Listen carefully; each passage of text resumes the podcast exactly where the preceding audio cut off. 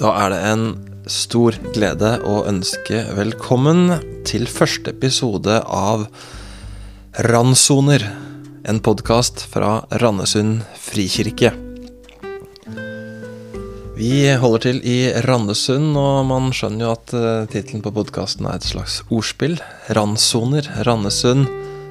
Randsoner betyr omtrent eh, grenseområde, eller et område i utkanten av et mer sentralt område. Og jeg tenker at vi med denne podkasten gjerne vil hjelpe folk til å leve i de grenseområdene som vi uh, oppholder oss i. Altså, det kan være mellom kirken og verden, mellom tro og tvil, eller mellom lys og mørke, mellom det som drar oss i forskjellige retninger. Og så er det sjelden enkelt å si hvor vi befinner oss, men med denne podkasten Randsoner så vil vi både fortelle litt om hva som skjer i kirka vår, men vi vil også være en hjelp til å leve i alle de randsonene som livet har å by på. Jeg heter Jostein Ørum. Jeg jobber i Randesund frikirke, og det gjør også dagens gjest.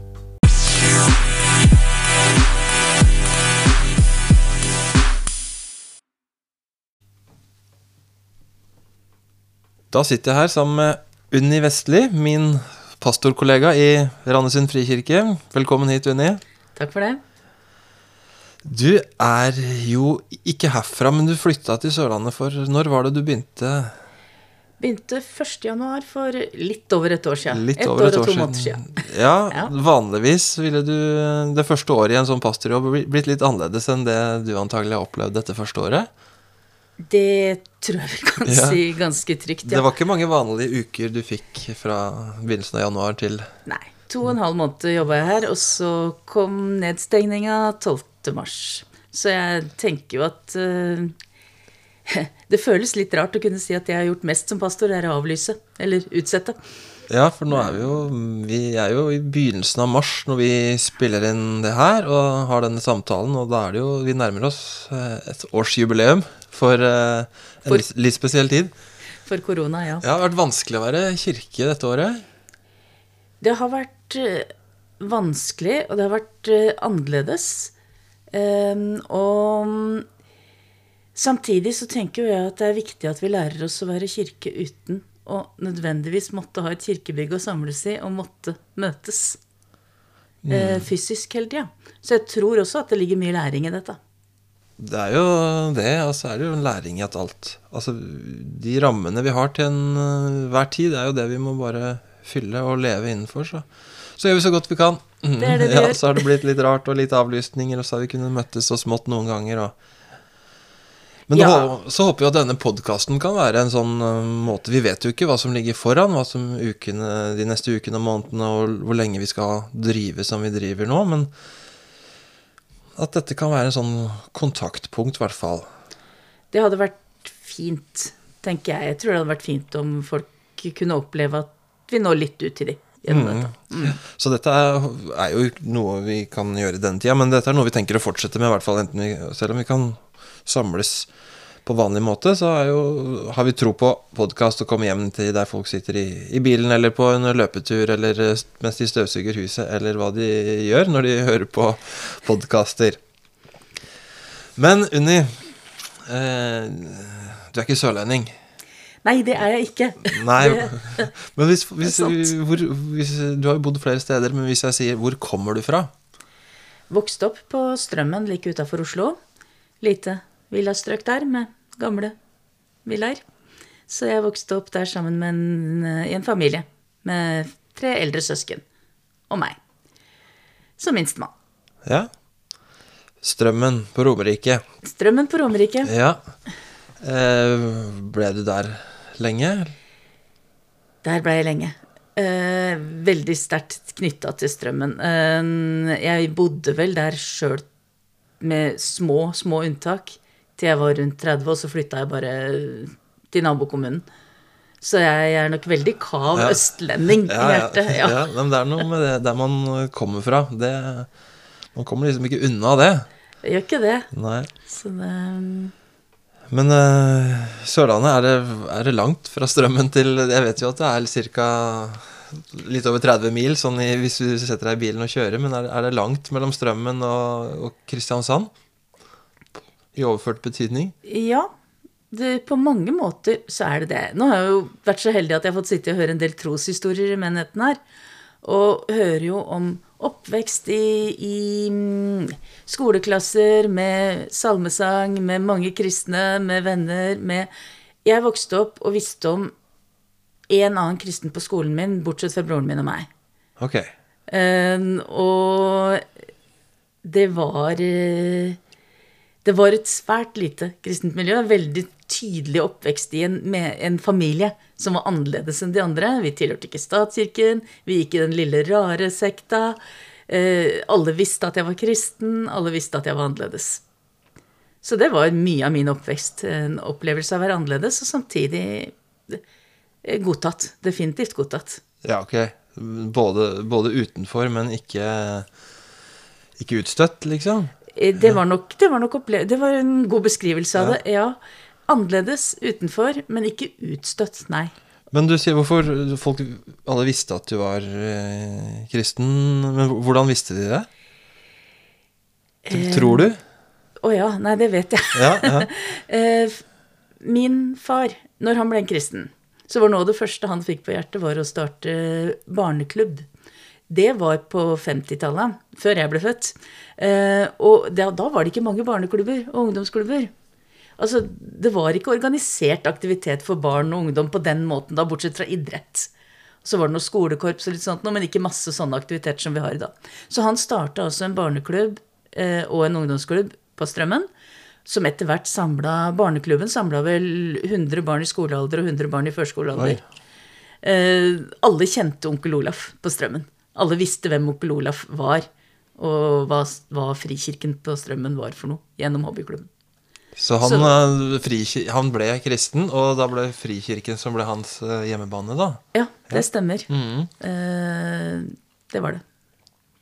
Og da ble det også din, den sammenhengen du vokste opp i. Det ble den sammenhengen jeg vokste opp i og ble knytta sterkt til. ja. Og så vokste du jo opp, og um, du det, det hadde kanskje vært Altså Hvis noen hadde sagt til deg der du vokste opp, eller levde ungdomsåra på Strømmen, at du en dag skulle være pastor, hva hadde du tenkt da? Tror du? Eller hadde, var det en tanke som streifa deg noen gang? Nei. da tror jeg de hadde det, det, det hadde jeg jo ikke trodd på. Eh, Det hadde, jo, det hadde jo bare vært en utopi. Eh, Og et eller annet sånt eh, Ikke noe jeg kunne, ikke noe jeg ville, ikke noe jeg skulle. Nei. Verken som meg eller altså, Den gangen var det jo ikke lov med kvinnelige pastorer i Frikirken heller. Nei. Så da Alt var liksom Det var ingenting som lå til rette for det. Nei, for du, det, det ble jo en annen vei du valgte da du skulle velge fremtid og studier og sånne ting. Det var det. Jeg studerte juss. Yes, ja. Og det var litt tilfeldig. Det var jo fordi at vi hadde rettslære på, på videregående og syntes det var gøy. Så tenkte jeg jeg kan jo prøve et år. Og så ble det hele studiet. Så, Så du er, litt du er sånn ekte jurist? Jeg er ekte jurist. Ja, så bra. Kav ekte jurist. Ja. Ja. da. Advokatbevilling og jobba i domstolene i en del år og ja. Så, så jeg jobba som jurist en stund, ja. Hvor lenge har du jobba? Ja? 15 år jobba jeg 15 år? med juss. eh, en- Ca. fem år i, i domstolene som dommerfullmektig. Og ellers en del offentlige stillinger og Utlendingsnemnda litt. Ja. Hvordan var de årene? Kjente du at uh, du var på hjemmebane? Var det lik, trivdes du med jussen? ja, jeg gjorde det. Jeg trivdes veldig godt med jussen. Uh, ikke minst i domstolene, faktisk. Det å jobbe som dommer, uh, eller dommerfullmektig, da.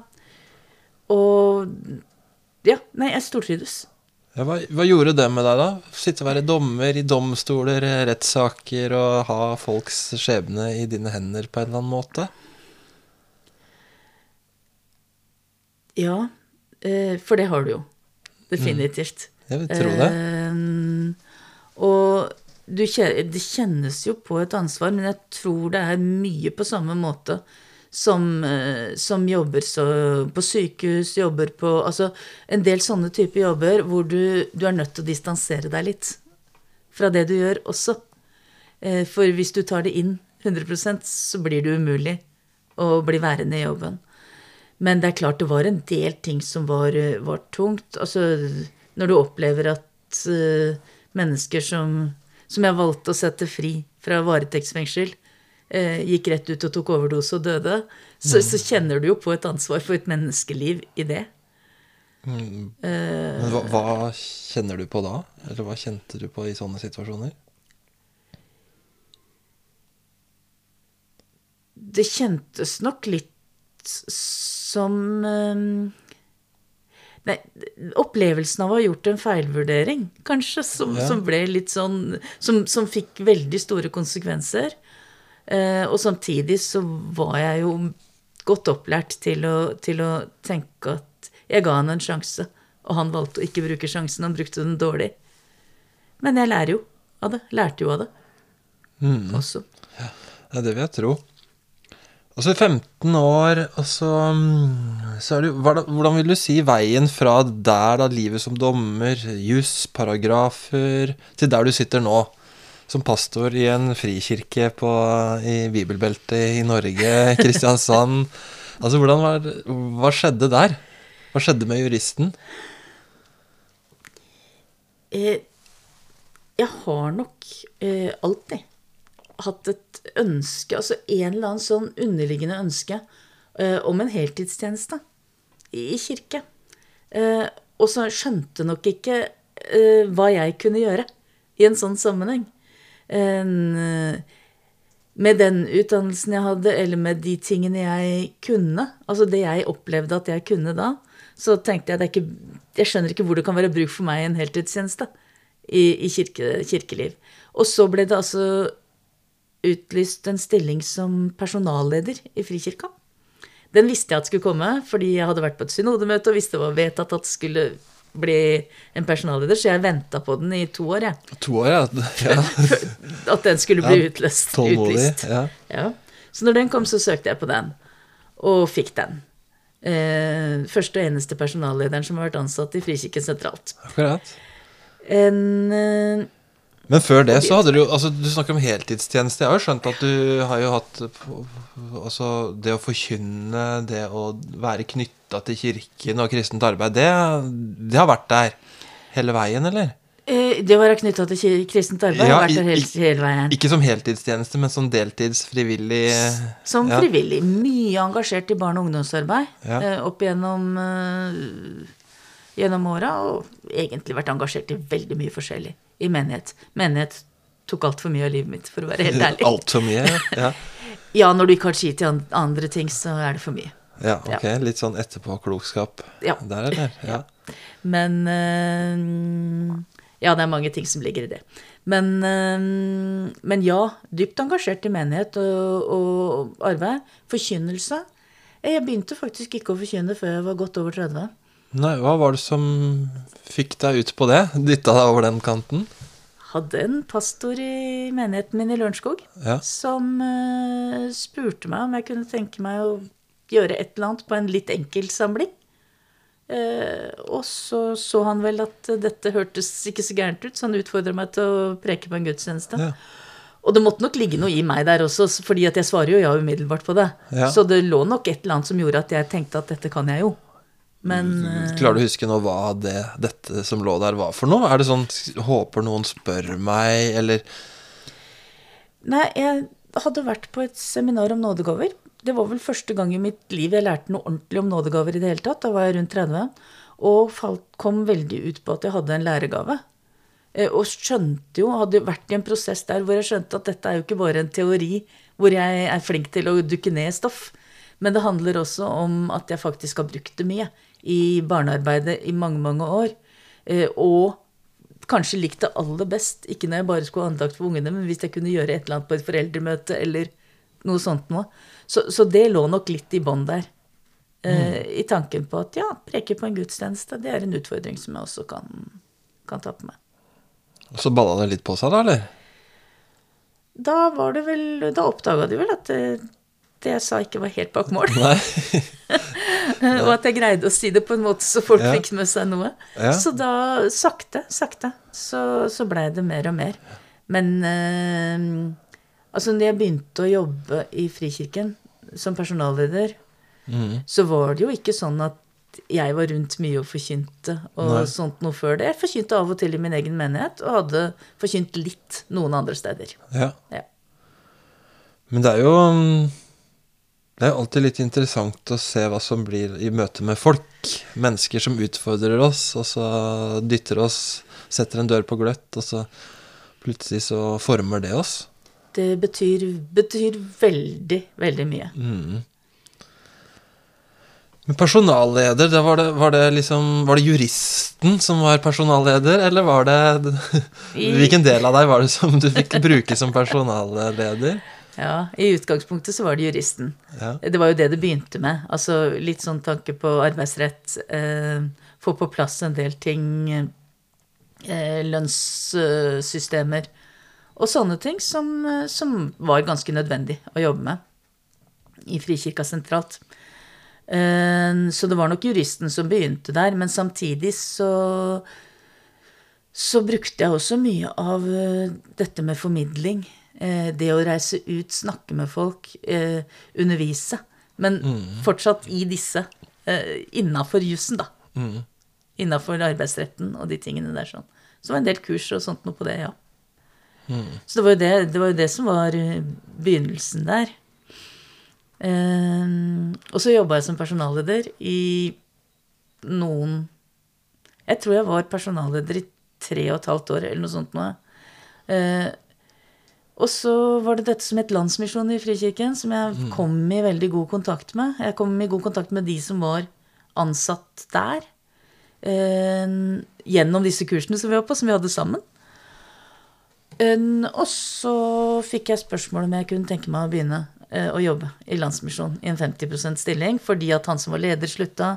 Ny leder som kjente at jeg vil ikke ha ansvar for den administrative delen, jeg trenger noen som kan ta den sammen med meg. Eh, og det var rett i hjertet mitt Mm. å få lov til det. Uh, det Landsmisjonen drev på med, var rett inn i det som, som jeg kjente at jeg lengta etter å få lov til å jobbe med. Helt kort, hva var det du gjorde i Landsmisjonen da? Jeg hadde dels ansvar for det administrative, altså, det, men det var jo en liten bit. Uh, Så ble jeg det som kalles menighetsveileder. Eh, Så jeg jobba en del med veiledning av enkeltpersoner, veiledning av menigheter og eldsteråd. Inn med eh, eh, litt sånn Altså hjelpe eldsteråd til å bli, eh, til å bli bedre, eh, holdt jeg på å si. Det håper jeg at jeg gjorde. Ja, får, får ta og sjekke litt om de, de du har vært i kontakt med. Ja, men det handla også da litt om, om det der sånn med eh, Bruke personalanalyser, litt sånne ting. Disk, som vi brukte mye. Eh, på å hjelpe, hjelpe eldsterådene til å, til å se hverandres potensial og utnytte hverandre best mulig, for å si det sånn. Og veiledning til menighetene. Etter hvert så ble det jo dette med misjonale menigheter som ble den store biten inn der. Som jo menigheten vår har vært med. Ja. Når jeg sitter og hører på deg nå, og vi snakker sammen om det her, så, så høres det ut som din vei har bare liksom åpna seg og utvikla seg veldig naturlig. Det er ikke sikkert du har følt det sånn selv hele veien når du har stått midt oppi det, men jeg ser jo på en måte det har forma seg fra juristen til en som har blitt mer og mer knytta mot menighet, forkynnelse, og, og der du er i dag, da. Jeg, har, eh, jeg kjenner at jeg har vært utrolig privilegert og heldig. Fordi at jeg har fått lov til å gå den veien. Altså Jeg har begynt med jussen, som jeg syns var interessant og morsom å jobbe med. Og så har jeg fått lov til å utvikle inn i mer og mer eh, menneskerelatert arbeid. arbeid. Eh, og mot menighet, og mot forkynnelse, og mot eh, eh, Fra å gå til ting som jeg syns er interessant og morsomt å jobbe med, til å gå over i det som jeg syns er mest viktig av alt i verden å jobbe med. Det høres jo ganske likt ut som det du har nå, egentlig, den landsmisjonen. At det er, var kanskje ikke så stort steg, det steget fra det over til eh, pastorstilling som du har nå? Jeg trodde aldri at jeg skulle bli pastor. Nei? Jeg syntes det var kjempegreit å kunne reise inn og komme inn i menigheten og fortelle dem hva de skulle gjøre, og dra igjen og ikke ha ansvar for noen ting.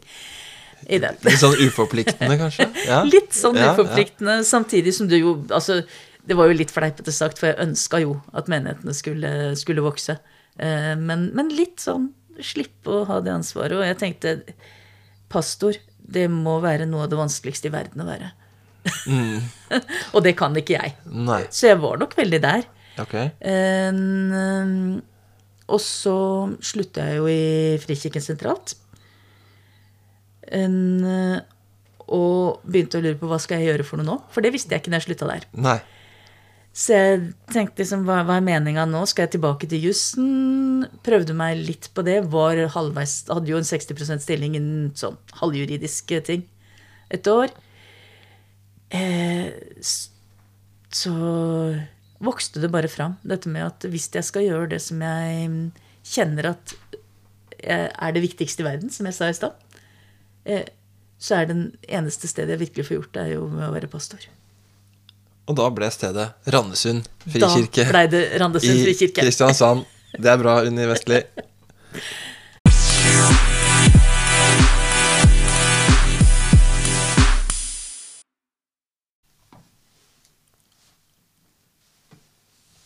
Unni, da er du både jurist og pastor, egentlig begge deler.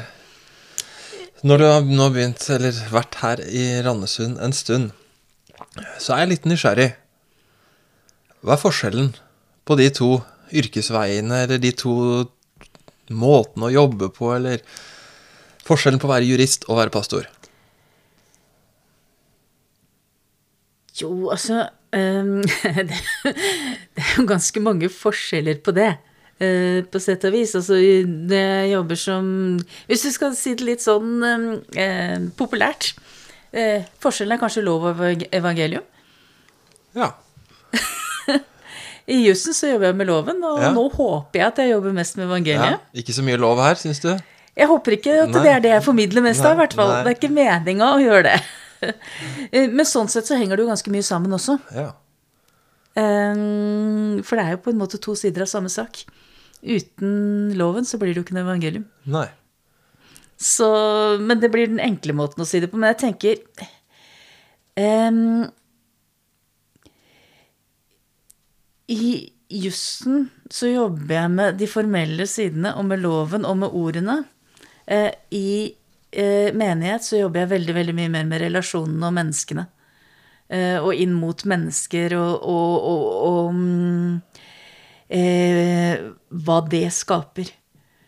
Og det tenker jeg at er, er noe av det, det aller viktigste. Altså det, forskjellen på det å jobbe direkte med relasjoner med enkeltmennesker og en gruppe, og det å jobbe med en formell sak og si 'sånn sier loven', da blir det sånn. På den måten. Dette skal vi tolke. Papirer mye, mye mer. Ja. Er, eh, er jeg naiv hvis jeg tenker at å jobbe med juss er mer sånn svart-hvitt? Går det an å si det? Ja, jeg tror det er riktig. Eh, å jobbe med juss er mer svart-hvitt, eh, samtidig som det jo er forferdelig mye skjønn inn der. Sånn at eh, Sånn at det er jo ikke bare Det er, jo ikke sånn at du kan putte inn eh, eh, fakta i en maskin, og så kommer du til en løsning i jussen heller. Man må være mennesker i jussen nå, altså. Det må vi- faktisk være mennesker, der. Og hver situasjon er forskjellig, og du vurderer jo Og det er jo det som gjorde det gøy for meg å være dommer, tror jeg. Eh, nettopp det der som at der møtte jeg enkeltmenneskene. Og fikk lov til å, å vurdere og se og ta inn eh, ulikhetene i den enkelte saken. Samtidig som det var loven som til syvende og sist bestemte. Mm, Da har du tatt med deg Eller i hvert fall nå jobber vi sammen her. Jeg ser jo jeg ser jo at enkeltmenneskene er noe av det som driver deg. Jeg ser jo at folk, folk har avtale på kontoret ditt, så kommer du inn, lukker døra, og så er det samtaler under fire øyne. Og eh, jeg hører jo juristen Unni og pastoren Unni blir litt den samme når du forteller om hvordan det var å, å- i, det, i ditt forrige yrkesliv, da. Jeg er nok, ikke, jeg er nok den samme. Ja. Uh, heldigvis, så Ja. kan jeg si det. Og ja, enkeltmenneskene driver med. Definitivt det er enkeltmennesker og enkeltmenneskers utvikling og forandring som driver med, og det har det vært hele veien. Altså det å sitte i en rettssal som dommer med et menneske foran meg som kan fortelle nå har jeg planer om jeg skal inn på rehabilitering, jeg, skal, eh, jeg har fått avtale om jeg skal sånn og sånn, og så få muligheten til å si ja, vet du hva, det skal du få sjanse til. Så litt nåde i rettsvesenet også, på en Det måte. ja, oppreisning og nye muligheter. Definitivt. Og hvis du leser Bibelen, og ikke minst Paulus brever, så er det forferdelig mange ting som du finner fra, fra jussen. Begreper og måter å tenke på. Du liker Paulus brever. Er det blant dine favoritter i, i Bibelen? Eh, definitivt. Ja. Mm, men da er vi over på din um, Din tro da, som du fikk uh, på Strømmen. da. Mm. Du vokste opp med, så fikk du stadig flere oppgaver. Ja. Eh, men hvem kan du, kan du fortelle oss om eh, noen mennesker som har forma troen din, som har betydd noe for at du ble sånn du ble, at troen din ble sånn det ble, og kanskje til og med at den veien du gikk, ble sånn den ble?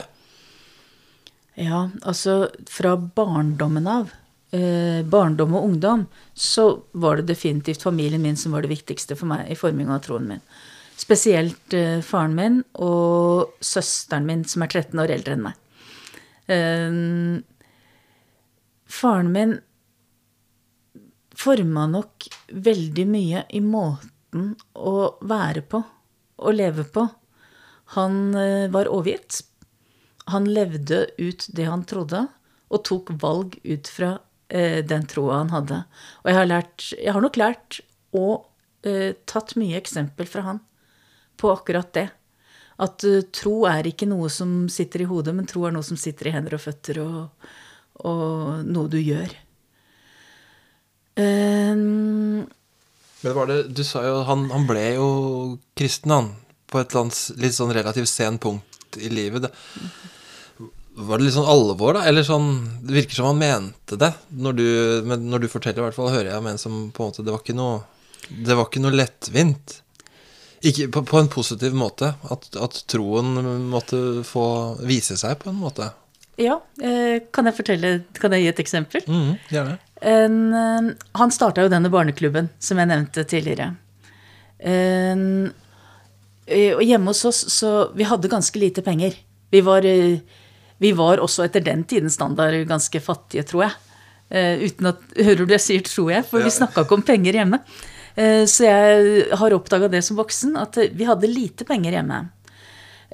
Og faren min, når han begynte den barneklubben, så sa han at eh, han ikke kunne ha kveldsskift på den jobben han jobba, fordi han skulle ha barneklubb for barna og fortelle de om Jesus. Og det var viktigere for han enn å ha kveldsskiftene, som selvsagt ga han mye mer penger enn en vanlig jobb. Og seinere så fikk han også tilbud om jobb fra kommunen, for kommunen så at her var det en som skapte noe veldig, veldig bra for ungene i nærmiljøet. Og fikk et tilbud om jobb i kommunen som konsulent på en eller annen måte. Som han takka nei til, for det var ikke det han skulle. Han skulle fortelle ungene om Jesus, det var ikke viktig for han. Han visste hva som unge. var hans eh, oppgave, da. Han visste hva som var hans oppgave, han visste hva som var viktig, og han eh, sa at det å tjene penger betyr ikke mer for meg enn å få gjort dette her sånn.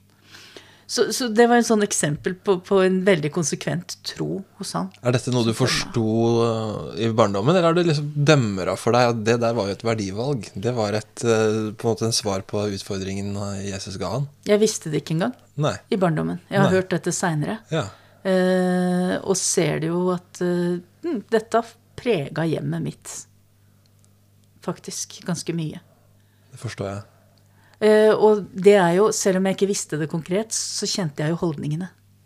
Og de har jo, eh, de har jo satt seg fast hos meg også. Eh, og søsknene mine. Som gode holdninger hos oss. Så, så, så det var ganske, ganske tydelig hos han. Og så hadde jeg også denne søsteren min som var 13 år eldre enn meg. Eh, og som blant annet leste mye for meg. Og noe av det jeg elska mest av alt, var jo hvis du kunne lese i Bibelen fra meg. For meg. Ja, du husker det? Å ja.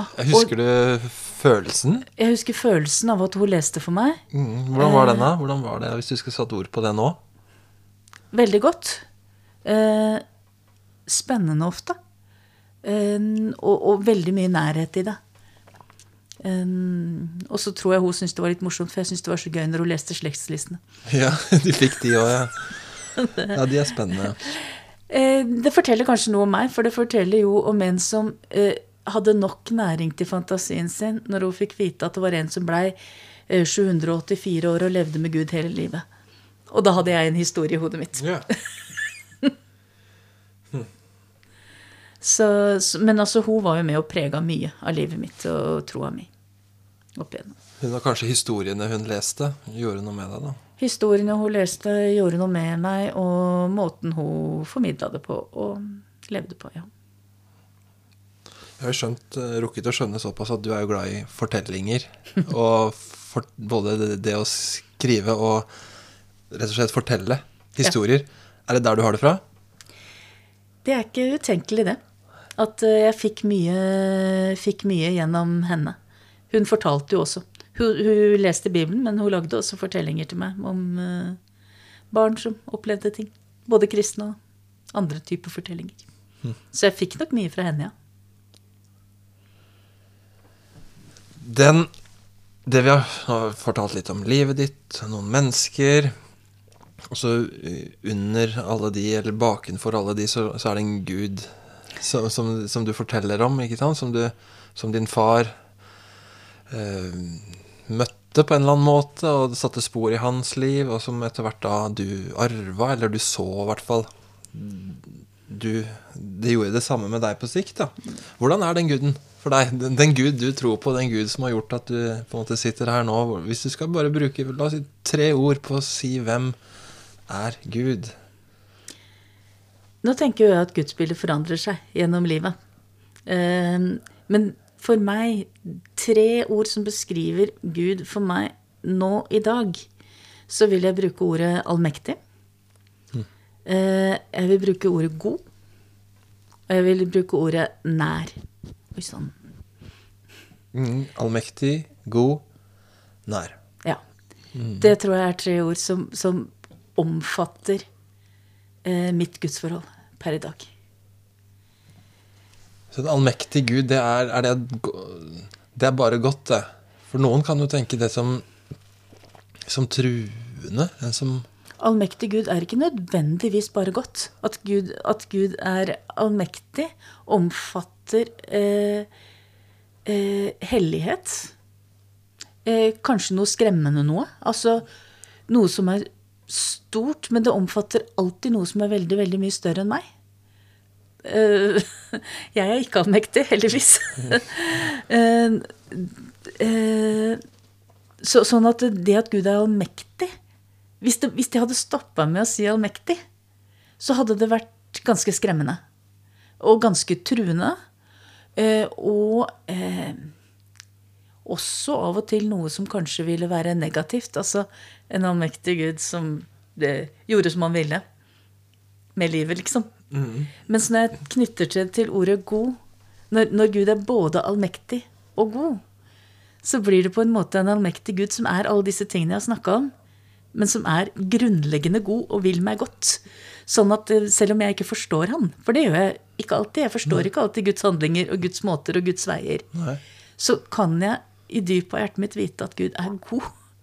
Og det han gjør, er godt. Til syvende og sist. Så ordet 'god' setter på en måte en retning på ordet 'allmakt'?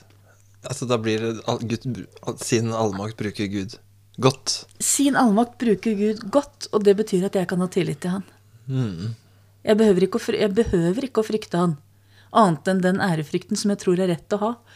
Men altså, jeg behøver ikke å frykte han fordi at jeg vet at når han gjør og handler og rettleder og veileder og viser meg vei, så er det godt for meg.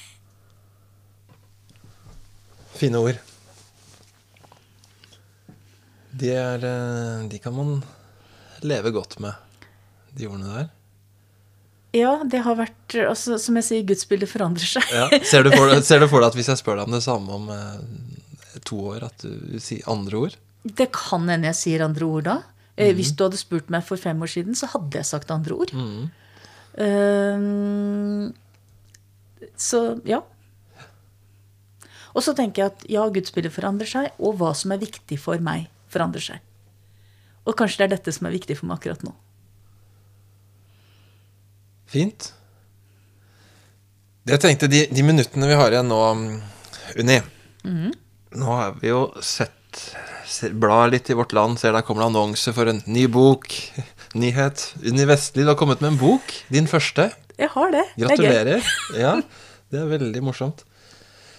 Den ligger jo her i, i kirken også i fine eksemplarer og, og lyser eh, imot oss når vi kommer inn døra. Det gjør den også. Ja, de som eh, kan komme inn døra i den tiden her, hvor vi, ikke, vi har minst mulig som skjer her akkurat nå, men det går over. Det går over. Men fortell om den. Den lille boka. Ja, Altså, den, er- den er ikke stor. Den, du kan, du, den får plass i hånda di. Den er, det er en ganske liten bok. Eh, den inneholder 50 små eh, stykker andakter, hva du ønsker å kalle det for noe, eh, som jeg har kalt hverdagstro. Eh, og som et, eh, som tar utgangspunkt i livet. Som oftest livet, mine opplevelser, hendelser, ting jeg ser rundt meg, ting jeg hører. Eh, og som knytter Gud til det, og prøver, å, prøver å se Gud i hverdagen, i de små tingene. Ja. Så tro Ja. Så, så tittel 'Hverdagstro', det er at Gud fins i det hverdagslige. Gud finnes i det hverdagslige, og utgangspunktet mitt var egentlig litt um, Ja, altså mange av, disse har jo, mange av disse stykkene har jo stått i budbæreren. Eh, Frikirkens eh, blad. Du, har- Eh, du har skrevet der over en tid. jeg har skrevet over, der over en tid, og mange av disse har jo stått der under den spalten som het Hverdagstro. Men jeg tenkte at dette kan, være, dette kan være aktuelt å gi ut i en bok også, med tillegg av noen flere bøker, nei, flere stykker, så, så var det også litt utgangspunkt i en liten opplevelse jeg hadde i en husgruppe for mange år siden, hvor jeg spurte, sa at det er, vi deler så mange av de triste tingene og så mange av de tunge tingene i livet. Men kan vi ikke prøve å dele litt når vi ser Gud i hverdagen vår? Hvor har Gud vært i hverdagen vår disse siste 14 dagene?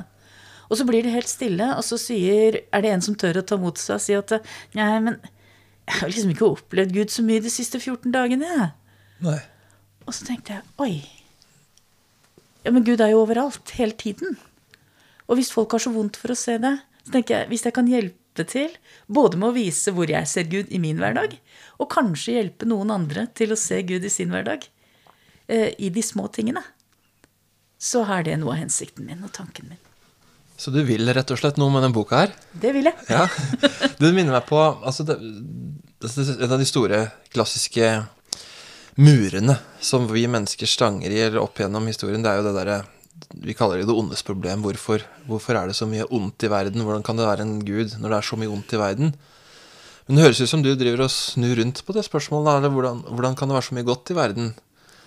Eh, altså det er lett eh, Det er lett å ta ondskapen for gitt. Ja. Men uh, altså, så, så, ja, hvor kommer alt det gode fra? Ja, hvor kommer det gode fra? Og det å begynne å se at det gode faktisk kommer fra Gud. Ja. Og at Gud er der i så små ting som i en liten kaffekopp, eller eh, Eller å se, høre en fugl som synger, eller um, Ja. De små hendelsene. Så de har blitt korte stykker. Kaller du det andakter, eller?